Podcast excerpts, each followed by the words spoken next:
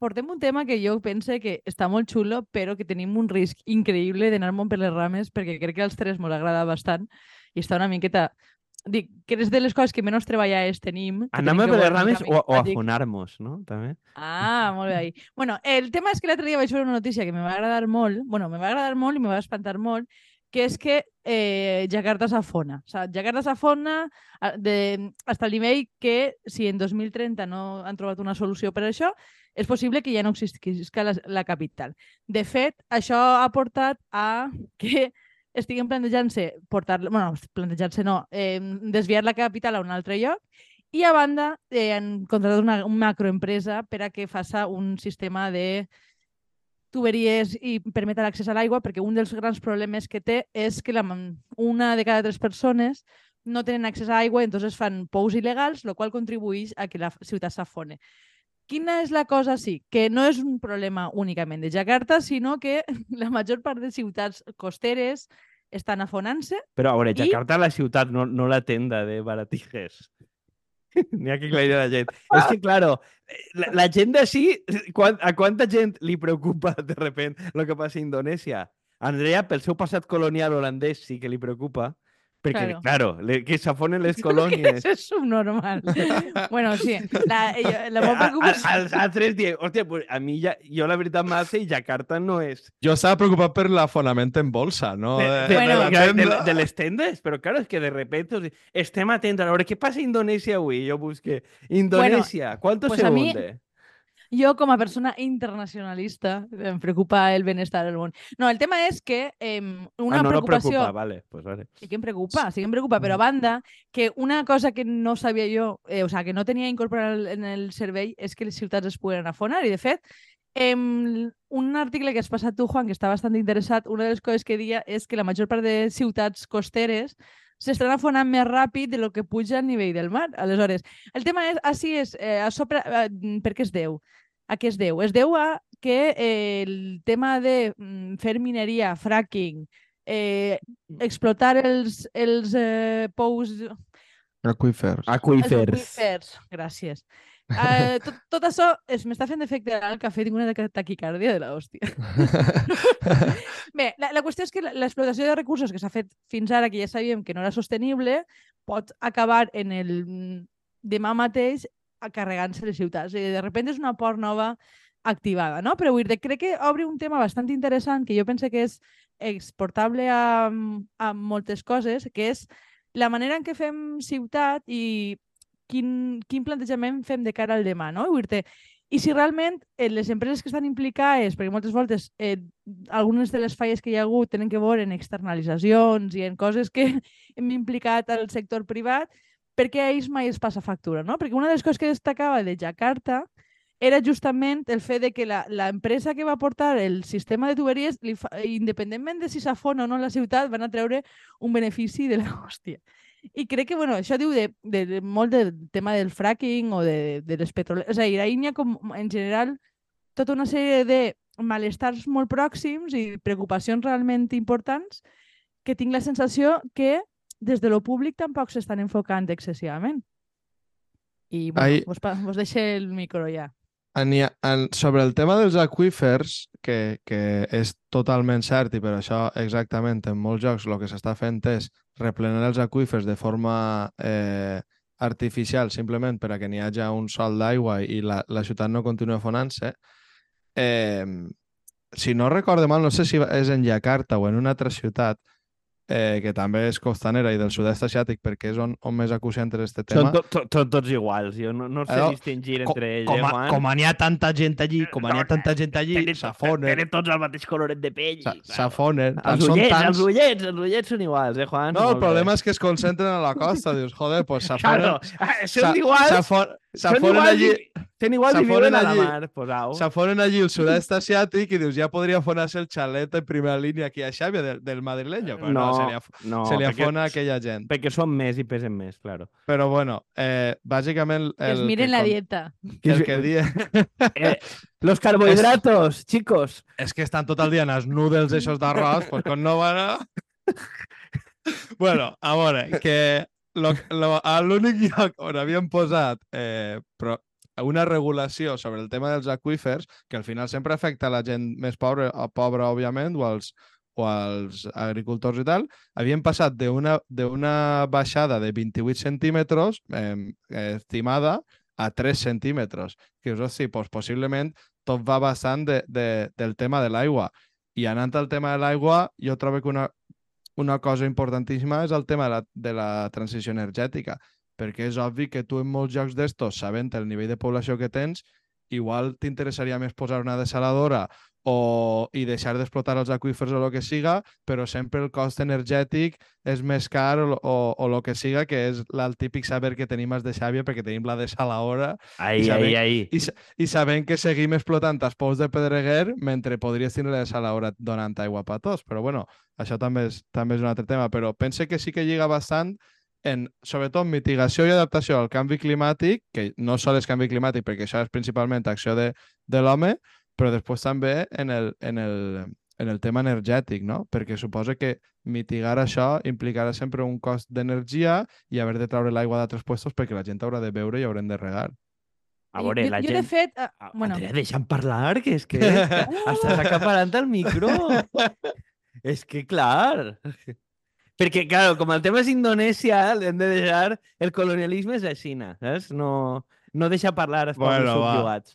Eh, a veure, ahir n'hi ha diverses coses. Una és la que dius tu, la gent pensa que el riu ja no ve i ja no n'hi ha aigua al riu perquè ha canviat el clima i tal. O sigui, les coses és certa, però alhora és també que si deixarem de... O sigui, tot, tot el perfil d'aigua que estem xuplant i, i al País Valencià és obvi que si no haguem xuplat tota l'aigua que, que xuplem avui en dia, tant per a rec com per a boca, realment nosaltres vivim, eh, igual que estos asiàtics, damunt d'una aigua moll, immens. Vull Ah. dir, eh, des de Castelló fins a la Marina Alta, mm, tot era una aigua moll gran i, de fet, eh, eh, està com prou comprovat que en època dels grecs podien clavar els vaixells hasta Pego. O sea, perquè mm. Hi havia molta aigua i aquesta aigua, si tu deixes de, de, de, de bombejar... Això em sona la història, crec que era que la, a la Marjal de Pego, que, a veure, digues... No, no, que, i de fet, que vull dir si, si mirem els plans de...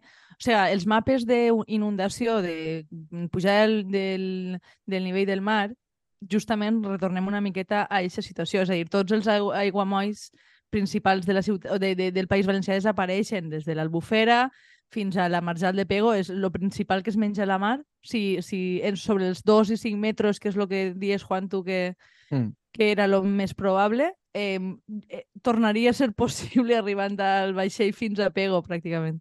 Clar, però Lo, lo que ens faltava, poder en barco a pego, ya a estos nos tornarían locos. No, Claro. nosotros, al- el mejor puerto de... de- el, el mejor puerto D'Espanya. d'Espanya està en Pego, sí.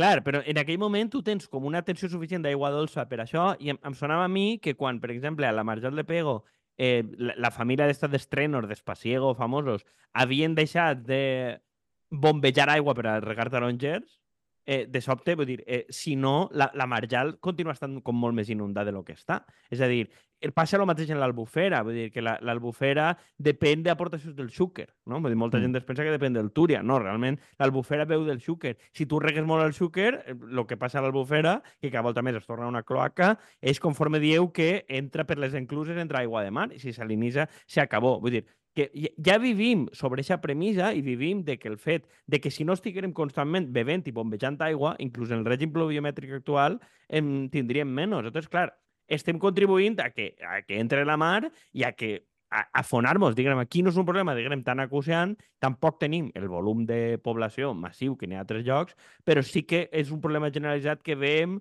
per això, des de mm, Ciutat de Mèxic, no? que havíeu posat com a exemple, Ciutat de Mèxic també s'ha Mm. fet sobre un llac, viuen 20 milions de persones damunt del puto llac i, per tant, pues va per avall. Exploten els aqüífers a, a una barbaritat. Rotterdam també s'afona. Eh? Que? Rotterdam també s'afona, eh, me- me- més enllà de que estiguen ja per baix del nivell del mar, encara està baixant més, vull dir que no, Mm. que no, n'hi ha un problema molt gran. A mi una de les coses que m'interessa, vull dir que crec que entronca una miqueta en el que mos atanye, vull dir que al final València igual no s'afona com altres ciutats, però sí que, o sigui, a mi m'ha agradat molt una, una frase que ja sé net, a més, que mm, en referència a este llibre que mencionem molt, que és el de Construir i Habitar, que ahir li dedica una part del llibre una miqueta a parlar de ciutats resilients contra el canvi climàtic, que és la menys interessant del llibre, però té cosetes que estan bé, però que, que té molt a veure el que tu estàs dient de salinitzar les aigües o de convertir els, eh, els rius en, en cloaques, que és que la manera en què estem vivint en les ciutats no és ètica ni, ni és responsable. I vull dir, treballem sobre una premissa de que això no té ningun tipus d'efecte, com si no n'hi haguera futur, però és que realment ens estem carregant de la possibilitat de que en el futur quede algo. Vull dir, si no tenim aigua disponible, si damunt la que tenim l'estem contaminant, vull dir, eh, no sé qui dia que eh, bueno, els coloms són un problema en les ciutats, diu, però són un mesurador fantàstic de saber com està la salut de la ciutat. I si tu tens els animals que viuen fora marals, el més probable és que tu també ho estigues, no? Vull dir, jo, i cre eh, estem creant ecosistemes que són invivibles i, i ja no sols des del punt de vista de l'habitatge que parlem sempre o de la faena, sinó també és que cada volta costa més respirar, cada volta costa més beure aigua que no estiga contaminada. Bueno, te, pues tenim ahí un problema molt gran, no? I no n'hi no ha ningú tipus de planificació que tingui en compte aquestes coses, no? Vull dir, tu planifiques com una ciutat que, de, de, de manera purament extractiva, com si això no tinguera ningun tipus d'efecte.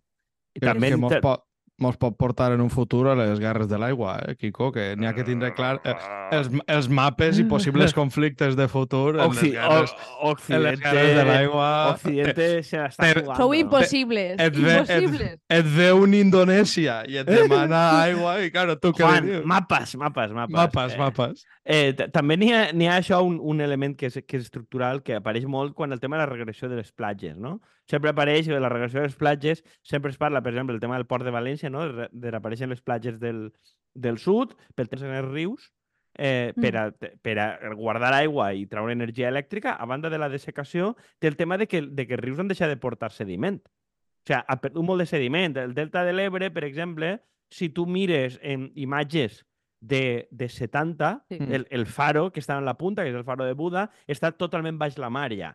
És a dir, però això passa i passa el delta del Nil també. Una, una part de la regressió i de que estigui afonant-se i de que puja el nivell de la mar té que veure que ja no aporta sediments i no creix.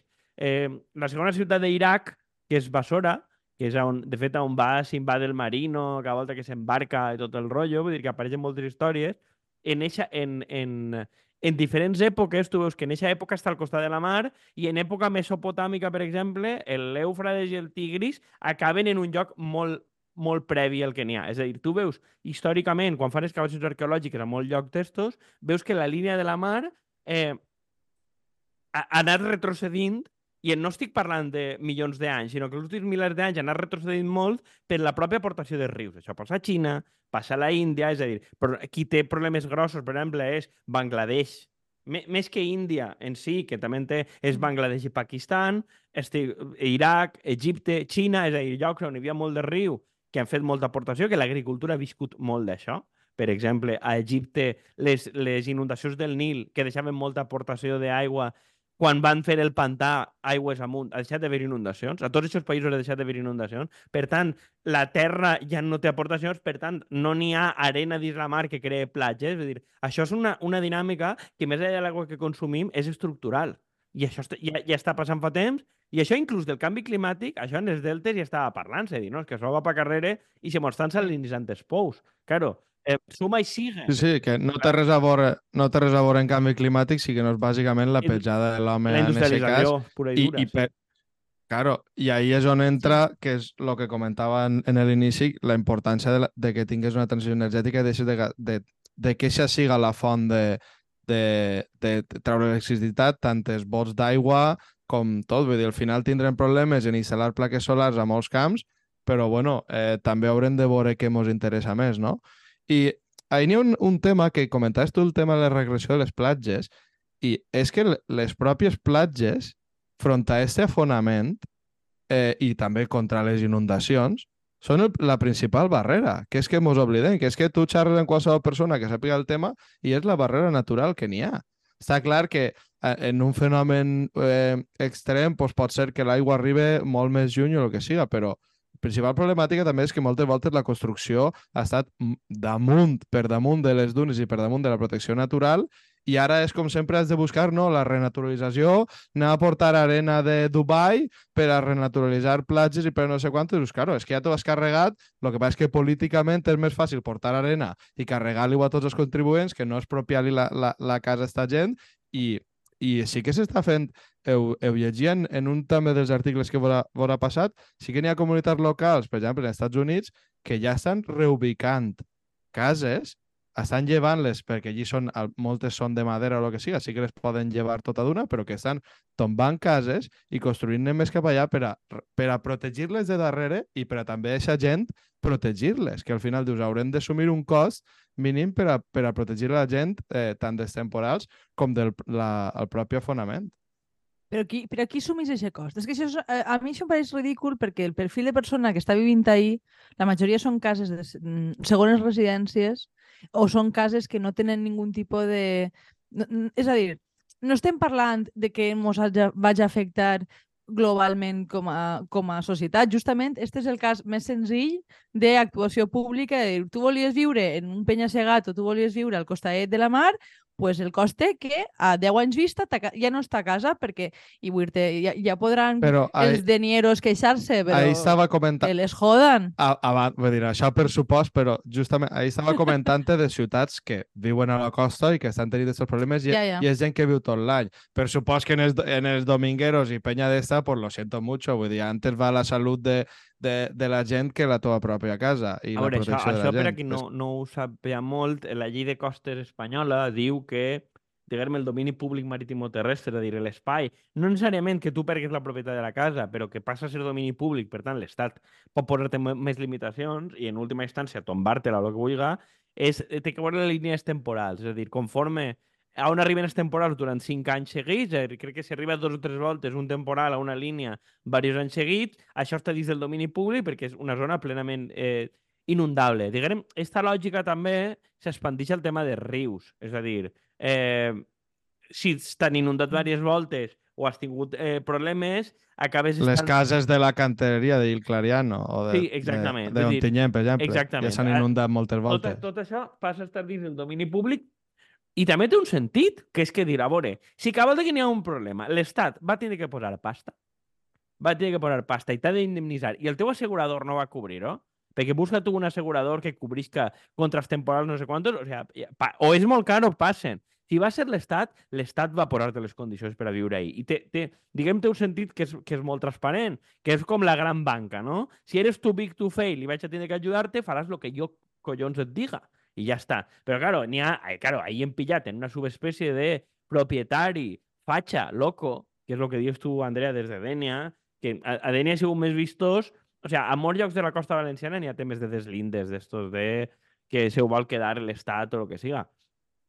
O, o, o directament posar limitacions. Però, claro, a Dènia pega que són segones residències de pijos. I, vamos, o sea, està venent... Eh, I de molts funcionaris del propi estat, Sí, que sí, estan sí. des de dins boicotejant. Eh? Eh, efectivament, però és com dir, lo, los derechos humanos, a més que tenen els santíssims collonacos de dir, los derechos humanos, de fet, la primera mani era quan estan començant a bombardejar Gaza, eh, i anaven a Dènia con los derechos humanos atropello. Claro, a mi em feia molta gràcia dir, ah, sí, parleu de Palestina. No, parlen del xalet. O sea, que és com... Eh, en fi, però claro, aquesta gent està loca. No, i, dir, i, de és- fet, dient coses com nos matan, nos matan. no, nos mata. O sea, era una cosa de, que parecía de, de, de, de programa de rollo de callejeros o tal, i esta gent està mal del cap. Però, claro, té una cosa a favor. De fet, l'Estat va desplegar, quan van anar els de l'Estat a fer el tema dels lindes a Dènia, va desplegar la policia antidisturbis perquè d'això sí que tenen por. Vull dir, esto, de, ah, nos han enviado la policía. Però, claro, ese perfil de propietari tarao, pues, mm, fa, fa lo que siga, però, clar, és gent que només planteja pues, el, el, el seu propi interès i, i tornem a lo de sempre del tema dels propietaris. Eh, el propietari tot és d'ell, excepte quan ve l'Estat, que l'Estat m'ha de salvar el culet. Eh, i, i, i al final n'hi ha temes com estos, el que estaven dient, de que la ciutat que s'afona o tal, que no és un problema que puga mm, plantejar un propietari, si s'afona, mm, s'afonen tots. O sea, la, la Però- resposta és expropies, eh? I no n'hi ha moltes més. És que jo trobo que ahir el que hauria de... de el que haurien d'utilitzar principalment és la doctrina del xoc per a bé, que és, eh, jo me'n recordo del 2020, el que passa és que després va vindre la pandèmia, però el 2020 van començar en el Glòria, que es va carregar mitja costa valenciana. I, i va, va haver debat i, per exemple, recordo l'alcalde Berreguard dient que haurien de llevar els passejos i que haurien de deixar-ho tot natural i tindrien menys destrossa perquè sempre estem pagant tal.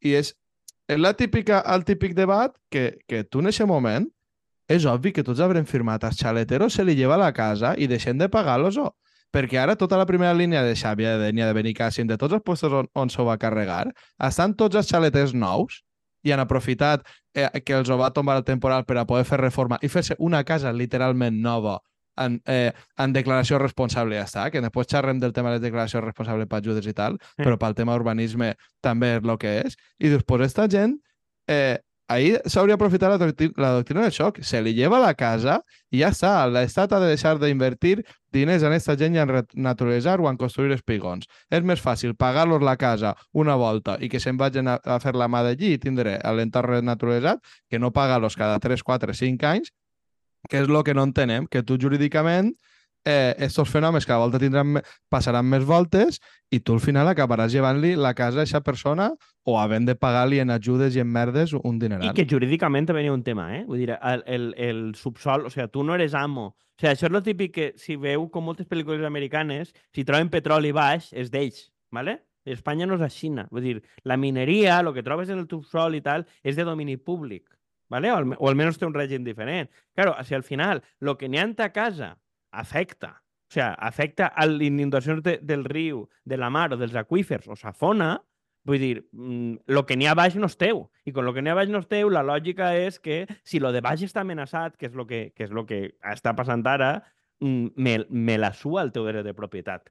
Perquè té poc sentit que tu, el que n'hi ha en superfície, pots fer el que dona la gana, si és que tu contamines el subsol o és que el subsol és més vulnerable, no sé. Si n'hi ha que tombar-ho i fer dunes, lo siento, i és conforme dius tu. El problema que tenim és una volta més és polític, és quanta quantitat de gilipolles pro-turisme i pro-propietaris tenim així que matarien gent que diu progre, nosaltres de la Marina Alta coneixem un grapat que matarien antes de que li lleven a, això perquè eixe ve a dinar allí al meu restaurant o eixe m'encomana les obres. Vull dir, n'hi ha molta gent I que que nosaltres sense- coneixem que els apoyaria.